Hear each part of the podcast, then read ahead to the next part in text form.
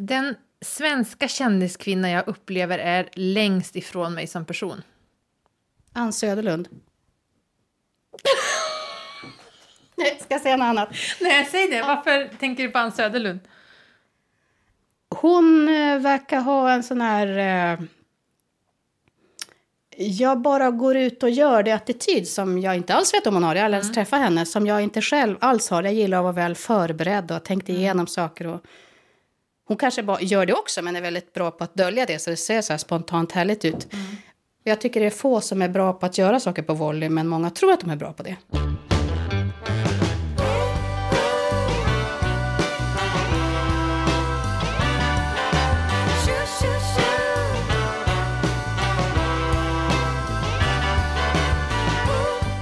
Vem är egentligen den där Erika? Den frågan får jag då och då.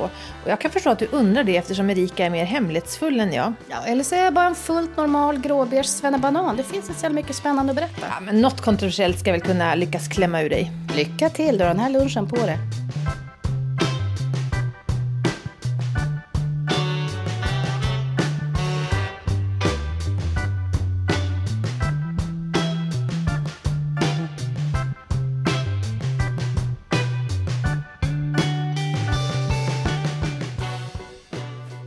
Pastasallad, eller hur?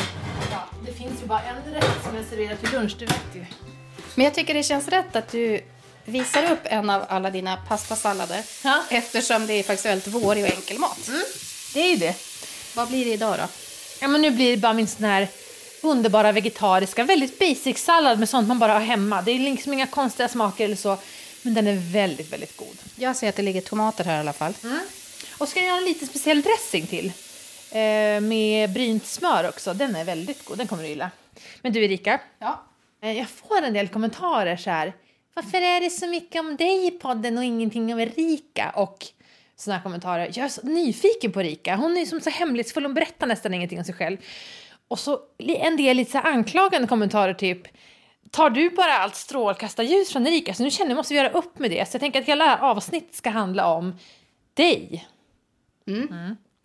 Kommer du ihåg såna här eh, min bästa kompis-böcker man hade när man var liten? Du vet, man bad kompisarna fylla i typ hårfärg, idol, favoritfärg och sånt. Ja, min kontroversiella ögonfärg. Vi går direkt på den. Ja, men jag har gjort ett litet sånt eh, test eh, fast för ja, lite mer vuxenanpassat. Så jag tänkte köra med dig. Är du redo eller? Ja, jag undrar vad det vuxenanpassade kommer att vara. Det låter lite läskigt. Men eh, visst. Ska vi bara lämna pastakastrullen Ja, men det får på spisen? Ja, Var ska vi ställa oss? Ska jag sitta eller ska vi... Jag tänker... vi kan sätta oss vid bordet där inne tror jag. Vad tänker du då när du har fått de kommentarerna? Det är för Nej, att Erika är så jävla tråkig så därför... Nej, jag håller med. Jag, jag tänker också ofta att vi borde ha mer om dig. Men av någon anledning så, det du säger försvinner ofta i klippningen. Det kan ju bero lite på att det är jag som klipper menar du? Ja, Ja. så, men då kände jag så här, nu ska du inte komma undan här. Nu kör Nej, vi. men det blir lite så eftersom du kan säga såna här saker som Åh gud, jag vill bara jobba med kvinnor. Mm. Och så säger jag, fast jag tycker det, det bästa är blandade arbetsplatser. Ja, men det är inte så jättesvårt att förstå den åsikt som jag tänker. Men däremot är man väldigt intresserad av att höra varför du inte vill jobba med karar på jobbet. Mm. Ja, det är klart man vill höra mer om det. Ja, du säger att du aldrig skulle kunna bo i stan, medan jag säger Alltså jag tycker man är ungefär likadan när man bor i stan eller på landet. Du vill köra kvinnobil och jag känner så här, ja, man kan också åka buss och man kan köra olika bilar. Det är klart att jag då tycker att det är roligare att klippa fram det du säger. Eller så är jag bara så för att jag tycker så för att det är jag som säger det. För det var ju någon som blev jättearg på mig. Eh, Johanna i Skellefteå blev arg på mig när jag sa att jag tyckte att man är ungefär likadan när man bor på landet eller i stan. Lyssna Johanna. Ja, Jag tyckte det var jag- radikalt ställningstagande att tycka så. Jag vill minnas att orden Erika, du förringar grovt skillnaderna. ja, Ja. då vart jag väldigt förvånad. ja. Men eh, nu kör vi. Okej. Nu är det, mm, kompistestet. Ja. okej. Fullständigt namn. Kerstin Erika Dahlgren, Kerstin efter mamma. Ålder. 43 och ett halvt. Syskon. Ja, en storebror som heter Mattias. Vad är han känd för? För att han är eh, krögare och kock. Ja, det här tycker jag är en rolig... Det här är ju typiskt Erika. Du har liksom en, din brorsa, han är Sveriges mest kända kock och jag hör dig aldrig skryta om det. Jag skulle skryta jämt ifall han var min brorsa. Ja, Det jag fick liksom reda på det här typ fem år in i vår vänskap att va? Har du en bror som har blivit vald till världens bästa kock? Nej, men det visste du väl? Du googlar ju allting jättesnabbt. ja, nej, men det visste jag inte. Nej, okej. Nej, men det är väl, jag brukar väl inte tänka att jag ska berätta det först av allt. Du berättar ju inte om din syster till exempel, att hon är konstnär. Det gör jag ju ganska mycket. Jag Ja, skryter du ganska mycket om min faktiskt. syster. Men jag tänk, har tänkt så här då, oj, det kanske är så att Erika tycker typ att att hon kanske inte vill prata om sin bror, hon kanske känner att det blir så jävla fokus på honom hela tiden. Usch, jag vill vara i centrum själv. Nej, det är som inget problem eftersom vi jobbar med olika saker. Men när jag var yngre då tyckte jag det var jobbigt när folk som egentligen kände mig och visste vem han var ställde 200 frågor om honom och ingen om mig. Mer för att jag tänkte att men han vet ju inte ens vem du är. Och så brukade de avsluta med att säga hälsa matte. och han har inte kallats matte sen han gick i sexan på eh, den byskola där vi gick. Men jag har faktiskt aldrig tänkt att du skulle vara avundsjuk att det är en sån sak, utan det är mer det här att liksom att precis det du sa nu, att det är lite så här jobbigt att eh, folk ska hålla på att positionera sig gentemot din bror via dig. Så jag tänkte säga, jag ska inte prata så mycket om din brorsa. Men... Du får prata hur mycket om det du vill. Jag tycker det bara det är jättekul. Men jag tror att det är en stor fördel att eh, han är en kille och jag är en tjej. Jag tror att jag hade haft eh, komplex om jag också hade varit kille. Det hade varit för, mer, för många Ja, så- jämförelseytor. så kan det nog. Jag kan aldrig bli världsmästare i poddskapande, men han har ju blivit världsmästarkock. Ja, så, det, så är det. Mm. Längd? 164 centimeter. Mm. Nuvarande familj som du bor med? Isa och Maria är barnen och pappan heter Peter och vi bor tillsammans. Hur gamla är dina barn? 10 och 14 år. Och Klassiskt tråkig kärnfamilj, där hör du ett till sån här inringning. Vad gör din man då? Ja, han är i grunden också journalist, så vi träffades på eh, folkhögskola en gång för länge sedan, på 90-talet. Och nu jobbar han med SEO. Alltså, man ska... Sökoptimering. Just det. Favoritlåt? Common people med Pulp. Det var ingen tvekan, du visste. Nej, nej, jag är inte säker på att det stämmer, men jag gillar den. Ja. Ja. Favoriträtt? Det här är ganska barnsligt, så jag gillar fortfarande spagetti köttfärssås. Jag gillar det. Vad bra, för det ska jag faktiskt bjuda på mm, till middag sen, om du stannar till middagen. Jag tycker inte det är fel att köra två pastarätter samma dag. Jag är för det. Bra. Ehm, Okej, men du ville få den här frågan av mig. Nu, nu skvallrar jag lite för dig, men du sa så här, men om du ska fråga något, då vill jag att du frågar det här. Tre ord som beskriver dig själv. Fet, snarstucken och långsint. Har alltid tänkt när jag ser det i tidningar, tänkt så här, vad skulle man svara? Då tycker jag det var så roligt att säga de tre. Alltså varför jag gillar det här så mycket är att man både ska vara lättsårad och sen gå och tänka på det väldigt länge. Det är en sån här, nästan omöjlig personlighet att gilla, därför tycker jag det är väldigt roligt. Snarstucken och långsint ihop. Nej. Men jag skulle säga tre ord som kännetecknar Rika, det är ju kreativ, eh, superanalytisk och eh, superkarismatisk. Superlativ här. Ja. superlativ. Jo, jag håller med om att jag är karismatisk och att jag är analytisk och kreativ. Jo, men det är jag ju. Det där med analytisk kan ju vara lite jobbigt eftersom det då går en ganska tydlig tråd till ältande där. Men det har jag också. Men jag man kan också älta positiva saker. Ja, du är lite bättre på positivt ältande faktiskt än vad jag är. Ja. Tre jobb du har haft inom tre olika branscher. Oh! Alltså när jag var liten så här, då hade jag all riktiga sommarjobb som andra människor som jobbade på kiosken och sånt där. Eh, för att eh, mina föräldrar hade ju, var ju månskensbönder så de hade jordbruk hemma. Och då så var det mycket så här, vi ska sätta potatis och vi ska rensa potatis och vi ska bära en ved och vi ska eh, släppa ut får och vi ska stängsla om får och det var mycket kring får och sånt. Mm, tre jobb som jag haft. Ja, Det måste inte vara tre olika branscher, men tre jobb. Nej, men det är svårt. Jag började så jobba inom journalistiken så ung. Jag var ju bara 21. Men jag jobbade en, två somrar tror jag var med att hjälpa riktigt gravt eh, funktionshindrade och utvecklingsstörda. Och jag var faktiskt jätte, jättedålig på det. Så jag, i alla fall när jag var i 20-årsåldern, mådde dåligt. För jag tyckte så synd om att det var så orättvist här i världen att man skulle kunna födas så att man inte ser någonting och inte hör någonting och inte heller har ben. Och så kan man, man vet inte heller hur deras hjärna fungerar. Jag blev så deppig av det bara. Mm. Då är man ju fel typ. Ja, men det, jag kan identifiera mig väldigt mycket. Jag skulle aldrig kunna jobba inom vården tror jag. Jag skulle inte liksom kunna göra det på ett bra sätt. Jag skulle också bara tänka på orättvisor. Empatin slår fel så att man inte blir bra på att hjälpa Nej, dem utan själv blir deppig. Men vad har du mer jobbat då? Mera? Jag hade ett jättekonstigt jobb ett tag när jag, av alla de här åren jag bodde i Stockholm. Då jobbade jag liksom med att man intervjuade människor som bodde i olika lägenheter om deras boende. Och jag minns bara att de blev jättestressade för de trodde att man liksom var deras eh, spion åt deras hyresvärd. Ja, Men vilket, vem, vem gjorde, utförde du jobbet åt då? eh, ja, det var ett väldigt speciellt par. Ursäkta mig. Vadå, varför ville de veta om folks boendesituation? Byggde Jo, de eller? analyserade ju det då åt eh, så här stora hyr... Så här, Aha. eh, eh, vad kan det vara? Bostaden i Umeå till exempel skulle kunna vara. Och sen ett tredje jobb då? Jo! Jag har eh, suttit och varit redaktör för Unga Synskadades medlemstidning på kassett. Det var ett oväntat jobb. Ja. Eh, drömkille. Ej Peter alltså, det måste vara en annan. Drömstort nu. Men det har jag väl redan sagt i princip. Steve Carell. Ja. Han är min drömkille också nu efter jag sett The Office. Han är ju eh, på ett eh, otippat sätt. Men jag tror du och jag, vi är lite liknande killsmak. Alltså kanske inte att det är utseendemässigt lika, men lite så här otippade killar vi gillar. Mörka och varma. Ja. Men jag är lite osäker på Steve Carell. Men eh, jag kan kanske lite eh, kort.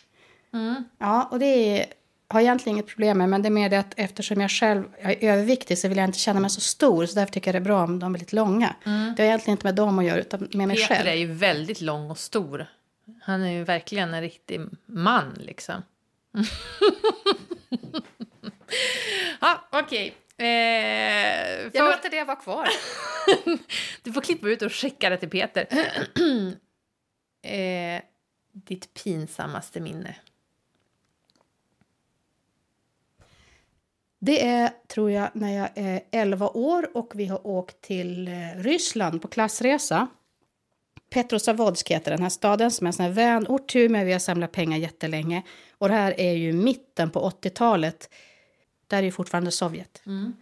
Så man har köpt med sig saker som vi ska ge från väst då, till de här barnen i öst som vi ska träffa. Och eh, då har vi fått riktlinjer att man inte ska köpa så dyra saker för då kommer de att bli generade. Så jag minns att jag går på Åhléns och köper så tre små tvålar. En gul, en blå och en rosa. Och de är så lite formade som rosor. Kanske kostar 15 spänn. Ja. Jättetrevlig present. ja, så att ingen ska bli generad över att de får för mycket och så inte kan ge någonting tillbaka. Och så eh, får jag då träffa den tjej som eh, jag ska ge mig en present till. Natasha, hon har på sig en grön blus. Hon är ett år äldre än jag men ser ut som hon är 15 år äldre. Och, eh, och hon har så blankborstat hår och stora hårspännen och så här jättevacker. Men på det här bleka allvarliga sättet. Mm. Och jag har, någon, jag har permanenta håret två gånger i mitt liv. Det här är en gång. Och jag ser inte klok ut. Jag har på en sån här jeansskjorta oversize med typ Musse Pigg på. Ja. Och så ger vi våra presenter och hon öppnar sina tvålar och bara mm, siba siba. Mm. Och så öppnar jag hennes present. Och så är det så här jättefina, typ babusjka-liknande eh, svampar. Så supervackert hantverk. Ja, tack, thank you. Åh, oh, jag känner mig. Jag är fortfarande generad när jag tänker på det. Nej, vi måste ta en paus. Jag, pallar inte. Ja, det är ruskigt pinsamt. Gud vad hemskt. De tänkte, vilka jävla snåla västerlänningar som kommer jag vet, jag vet, jag vet, jag vet. Ziba, ziba.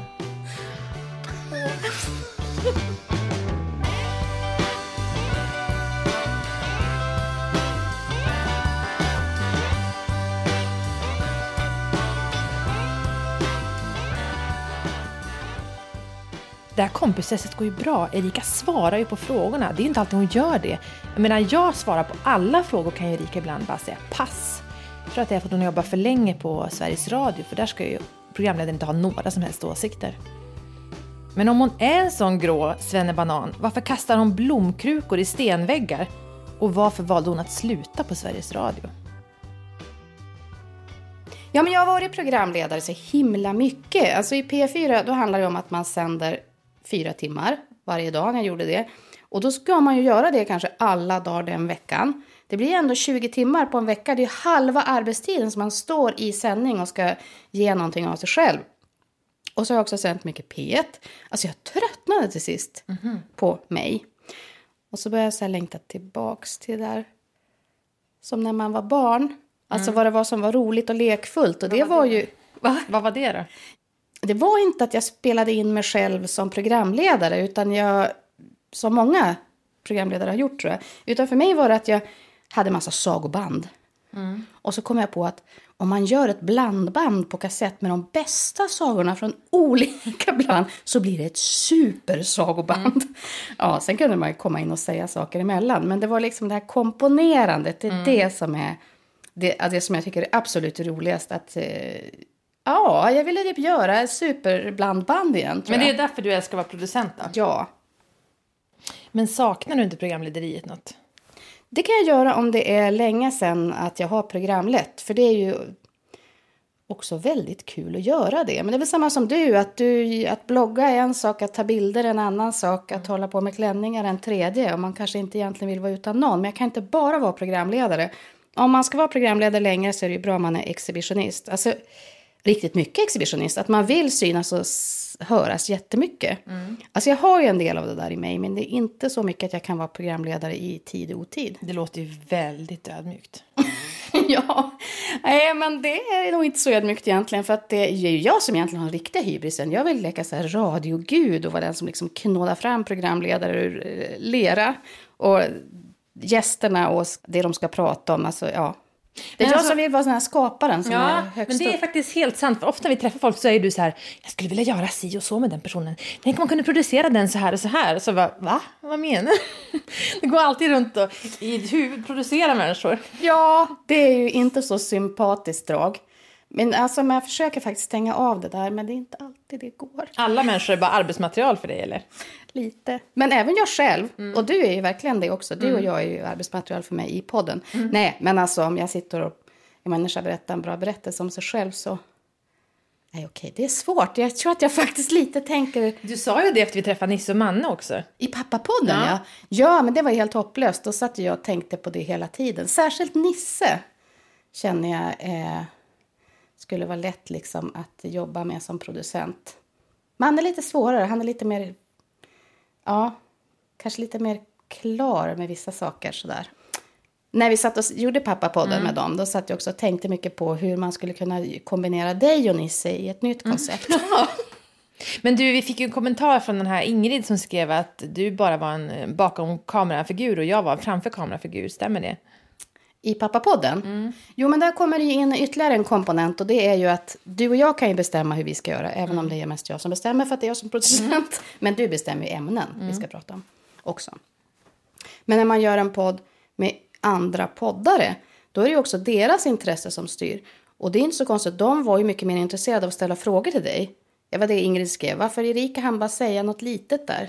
tycker jag pratar på ganska mycket ändå. Men då kommer det här exhibitionistiska fram, för jag upplever att både du och Manne och Nisse är tre tydliga klassiska programledare eller så här exhibitionister. Och jag har inte riktigt lika mycket det och då, då har man inte det drivet, då försvinner man lite, det är så. Men du, du och jag blev ju utmattade ungefär samtidigt. Och det var ju drygt ett år sedan. Och sen började du jobba för mig som webbredaktör. Eh, och så gör vi podd ihop. Och sen gör ju du en massa annat. Men jag råkar veta att på ditt förra jobb så kastade du sönder krukor när du blev arg. Kan du berätta varför? Och behöver jag ställa undan mina krukor så att det inte händer här? Ah, jag skulle nog faktiskt inte våga kasta. Eh, Ja, nu känner vi varandra i och för sig så väl, så jag kanske skulle våga gå ner i din källare och kasta krukor. Fast då är det dina krukor, det är lite svårare.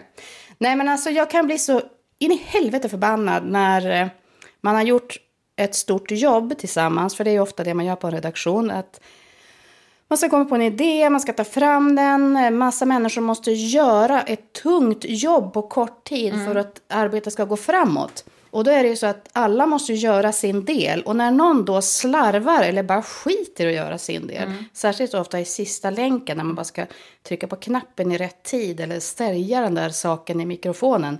Nu har vi precis fått veta att. Om man slarvar med det då, då kan jag bli så vansinnigt förbannad. För då förstör man ju allt det som alla andra kämpar för att göra. Och det tycker jag är så in i helvete respektlöst och irriterande. Så då har det hänt att jag har gått och slängt gamla krukor i ett radiohus från 80-talet, så här pastellfärgade som var, ingen använde. Så slängde de på handikapptoalettens stenvägg. Ja, Ja, okej. Krukor är ju en sak då, men du har ju även slagit sönder din mammas radio. ja. Ja, men det behövdes. Det var liksom, det var en sån här gång, vi var först med en riksnyhet och så var det bara det att det skulle sägas det där i rätt tid. Inte tre minuter senare, för då var det ju Ekot som blev först med nyheten. Det här är ju som ingen lyssnare bryr sig om, men för mig är det väldigt viktigt. Och då blev jag så himla arg när jag satt och hörde på det hemma hos min mamma att vi inte blev först för att det var bäddat och gjort och knådat och fixat och fiffat och fuffat liksom i 48 timmar för det. Och så bara, nej. Kom det ingenting av rent slarv och slöhet? För jag blir fan varm när vi pratar om det. Ah! Men jag undrar, vad din mamma, var din mamma hemma? Vad gjorde hon när du slog sönder Nej, jag tror hon bara suckade och tog sin rullator och gick in på toa och väntade på att jag skulle lugna ner mig. jag satt hemma hos henne och ska höra det här och så hörde jag det här. Ja, den här uteblivna smashen, det är nästan det värsta ljud jag vet. Eh, Men en, en sista då, fråga. Eh, din mamma, var hon förvånad över den här reaktionen? Eller var hon bekant med ditt humör? Var det här någonting som, som är vanligt för dig, menar jag, att slå sönder saker? Det är skitjobbigt att tänka på sig själv utifrån på det här sättet. Ja, jag tror att hon inte var särskilt förvånad utan det var mer så här. Jahapp, då vart det på det där viset igen. Men det är faktiskt nästan bara när det gäller jobbgrejer som jag blir så här vansinnigt arg. Annars blir jag inte det. Men om du ska Gud, vad kasta sönder- tråkigt. Ja, men om du ska kasta sönder det här så ta någon av de här fula nyproducerade krukorna, inte mina Majolika-krukor, för de var så jävla dyra. Det var ett tips från mig. Nej, men det är bara du skärper. Om du inte slarvar så kommer krukorna vara intakta.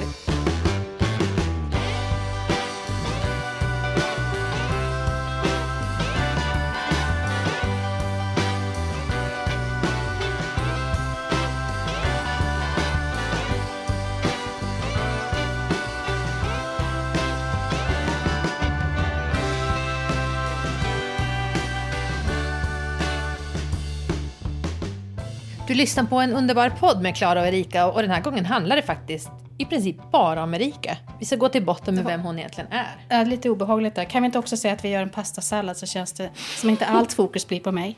Okej då. Ska vi ha lite tomater? Varsin skärbräda behöver vi.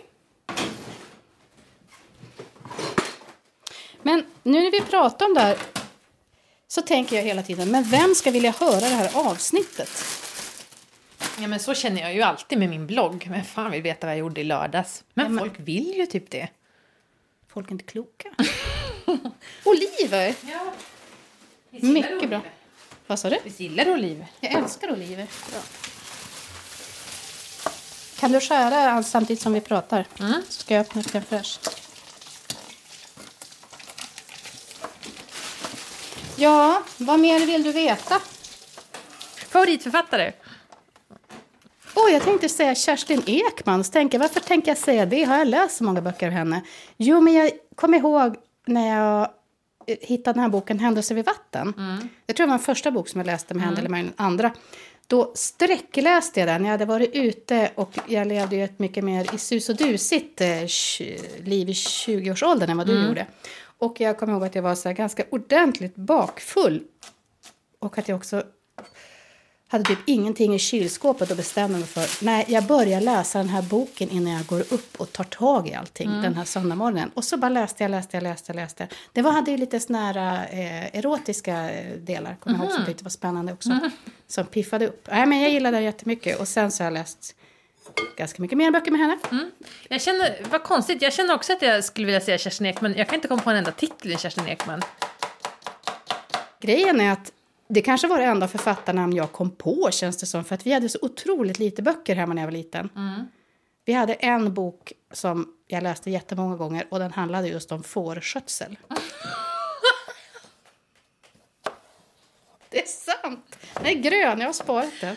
Ja, vi har pratat om det förut, din arbetarbakgrund, att era biblioteket hemma, det var ett, ett skåp i köket, en liten hylla eller vad det var. Ja, det var det, precis. Mina föräldrar kallade det för biblioteket. Kanske lite skämtsamt. Men jag, min brorsa ville bara dö när någon gång så hade vi gäster hemma. Det hade vi ganska sällan.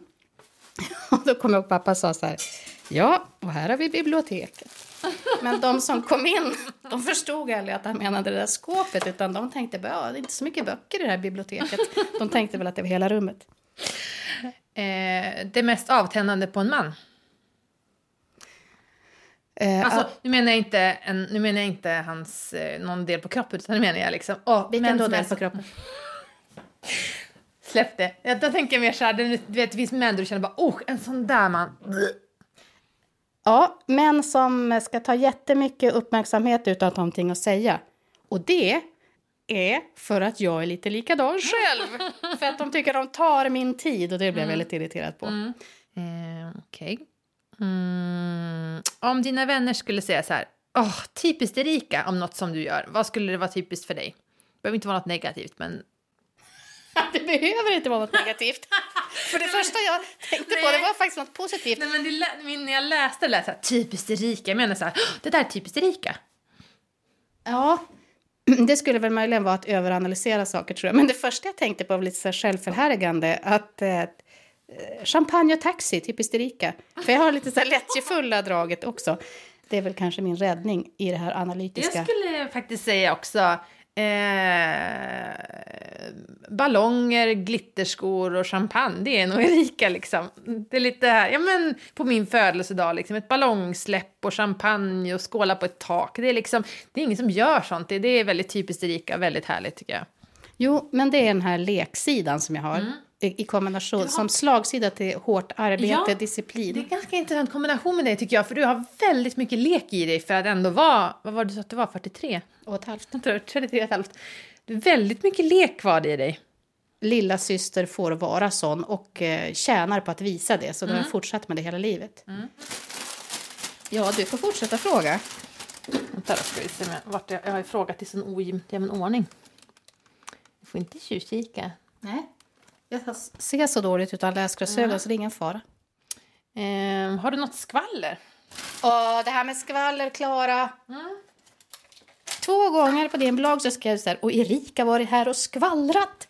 Och det tyckte ju du var något härligt och roligt. Och jag blev jättestressad. Yes. För det är typ big no-no i mitt liv att man skvallrar.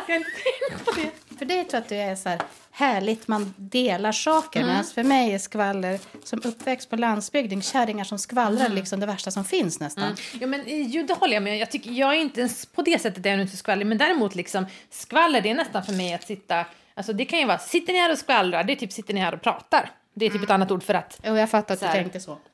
Men du, för du är ju väldigt dålig på skvaller. Jag brukar ju försöka pumpa dig på skvaller men du kommer ju inte ihåg så mycket. Och när jag berättar något skvaller för dig, typ så här, hörde du vad han och hans fru har gjort? Eh, vem är han och han? Jo, men det är du mycket bättre på. Alltså, det är ju... Nu kan det låta som att eh, jag är någon sån fin person som inte skvallrar om andra. Men grejen är att jag är lite rädd att det är så att jag inte bryr mig tillräckligt mycket om andra människor. Eftersom jag kommer ihåg när jag var liten så mina kompisar de kunde komma och berätta så här. Såg du i tidningen att de har fått barn? Och vi var typ 12 och tänkte så här. Var, vilka är de? Det var min första. Och sen så kunde de ha klippt ut den här, alltså en, en annons i tidningen med en nyfödda bebisar och mammor och pappor på bild. Tänkte jag så här, jaha, men vad har det med oss att göra? Jag har lite det draget faktiskt fortfarande att jag kan... Ja, det är faktiskt ett eh, yrkesmässigt problem när man som nyhetsjournalist att jag inte är jätteintresserad vem kommunalrådet har vänsterprasslar med. Jag kan, jag kan säga ja, men det... Ja, det lå, kan inte bara låta det vara. Om jag sitter och pratar med dem själv, då skulle jag vara intresserad. Hur berättar du det här nu för din fru och vad kommer det betyda för dina barn och så. Men att höra det om personer som inte är med, då kan jag ha svårt att gå igång. Just det. Men det är en skillnad på dig med, jag är ju intresserad av allt. Ja, det är Alltså det har jag också ärvt av min pappa. Alltså, jag, Gruvtidningar och sånt. Ja, men om jag sitter på du vet, väntrummet på lasarettet och så hittar någon lämnat en tidning för åkeri, Åkeriägarnas riksförbund typ. De bara, gud vad intressant. Nu får jag lite så här inside information om hur det är att vara åkare i dagens Sverige. Eller liksom om du berättar någonting om Sveriges Radio, då vill jag liksom veta hur funkar det här med schemaläggning på Sveriges Radio om någon blir förkyld? Alltså jag, är, jag är generellt en person som är intresserad av väldigt mycket som andra människor inte är intresserade av. Inte nördigt intresserad, men jag tycker liksom att... Jo, Tycker du? ja det kan absolut vara. Ursäkta. Nu åt jag med sockerärta i mun. Du kan absolut vara väldigt intresserad av sånt som jag inte förstår. Ja, men du skulle kunna lä- äh, läsa så här, Elektrikernas riksförbunds branschtidning. Jag skulle också läsa den för att veta eh, vad man ska göra i olika liksom, så här, husfrågor. Men du skulle kunna läsa den för du tycker det är så intressant med hur de har jobbat kring ett avtal, Elektrikerförbundet. Mm. Men det kan jag göra. Och jag tycker det är så roligt att ha kompisar som är, men min bästa kompis Elina hon är psykolog. Och jag en kompis som är jurist och en kompis som är lärare och pastor. Och så alltså jag tycker det är så kul att bara tänka att jag kan få en inblick i hur det är att jobba som jurist eller pastor i en församling. Och hur funkar det med de här sakerna? Så här, det är ju, eh, om man nu pratar om det här att, att jag då är den självupptagna som pratar om mig själv i podden och du pratar om mig. Så där är det ju lite paradoxalt för det är ju jag som är väldigt intresserad av av sånt, av, på det där sättet av andra. Fast sen pratar jag mycket om mig själv också. Så det, Jo, men eh, eftersom jag nu har sagt att jag är så analytiskt lagd så känner jag att det hela tiden blir så när vi nu ska prata om mig att båda är mer bekväma att vi pratar om dig. Nu ska jag sluta med det. Jag känner att nu tog jag över ditt program. Det var inte alls Nej, men det. jag tror att vi bara gillar det mer. Det är väl inget fel i det, om vi är överens. Nej. Nu är salladen färdig och därför ska jag visa dig dressingen. Nu blir det väldigt spännande här. Alltså det här Någonting utöver det vanliga. Oj, det är egentligen inget konstigt alls. Men det man gör, det är ju att man tar lite smör. Riktigt smör ska det vara.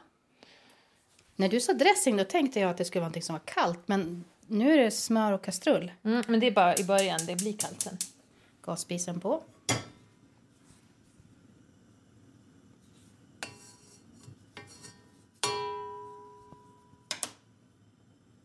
Ja, okej. Smörklick, ganska mycket smör där. Ja, då ska vi bryna smöret och då gäller det att vara lite försiktig för först blir ju, händer ju ingenting med smöret, det bara smälter. Och sen börjar det få en eh, lite brun ton och man ska ta det ganska länge men det får inte bli bränt och så ska det börja vara lite så här nötig doft i det. Och ganska brunt. Då tar man av det och så häller man ner det i crème fraîche och man vispar ganska hög fart. Och då får man en eh, crème fraîche som är liksom lite um, syrlig och har lite smörsmak och så saltar man och pepprar och det blir bara jättegott. Och då som karamelliserad eh, crème fraîche. Ja men nästan. Ja, det är gott. Om det ska vara snudd på bränd ton i smöret. Alltså det vi kan säga direkt, det är ingen light dressing här. Nej. 3000 kalorier eller något ska jag tippa.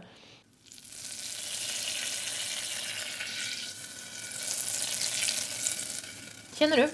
Ja. Nu gäller det att vara snabb här för nu... Oj, oj. Sorry, jag står i vägen. Men det är inte bränt va? Kan du röra? Nu har vi då smält på gränsen till bränt smör. Och så ska den ska ner i crème fraîche. Oj! Det blev liksom oljig crème fraîche här nu. Och proportioner, det kan man, man kan ta lite smör. Typ till en sån här, sån här liten burk crème fraîche, det här vanliga storleken, så brukar jag kanske ta två, tre matskedar smör. Man kan ta mer också om man vill. Och så måste vi ha lite salt. Fortsätter jag röra. Så, Åh, flytta på durkslaget där. Det är också gott att ha vitlök eller man kan ha andra saker i. Men det här är som en, eh, det ger en god ton till den, här, till den här såsen. Sen kan man bara krydda den som en vanlig dressing om man vill också. Med örtkryddor i och till det här då. Så. Men det ska alltid vara smör och crème fraîche. Mm, det är gott. Mycket fett. Börjar du vara hungrig eller? Mycket!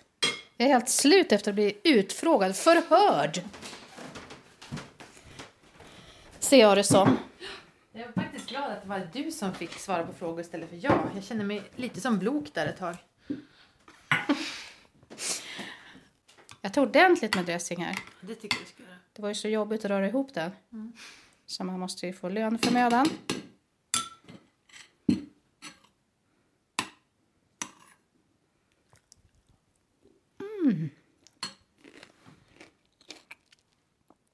Jag fattar varför du gillar den här dressingen. Mm.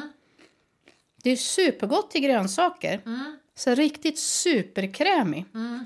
Till så- såna här krispiga, ganska beska grönsaker Ja. som eh, paprika och, ja precis, och rucola.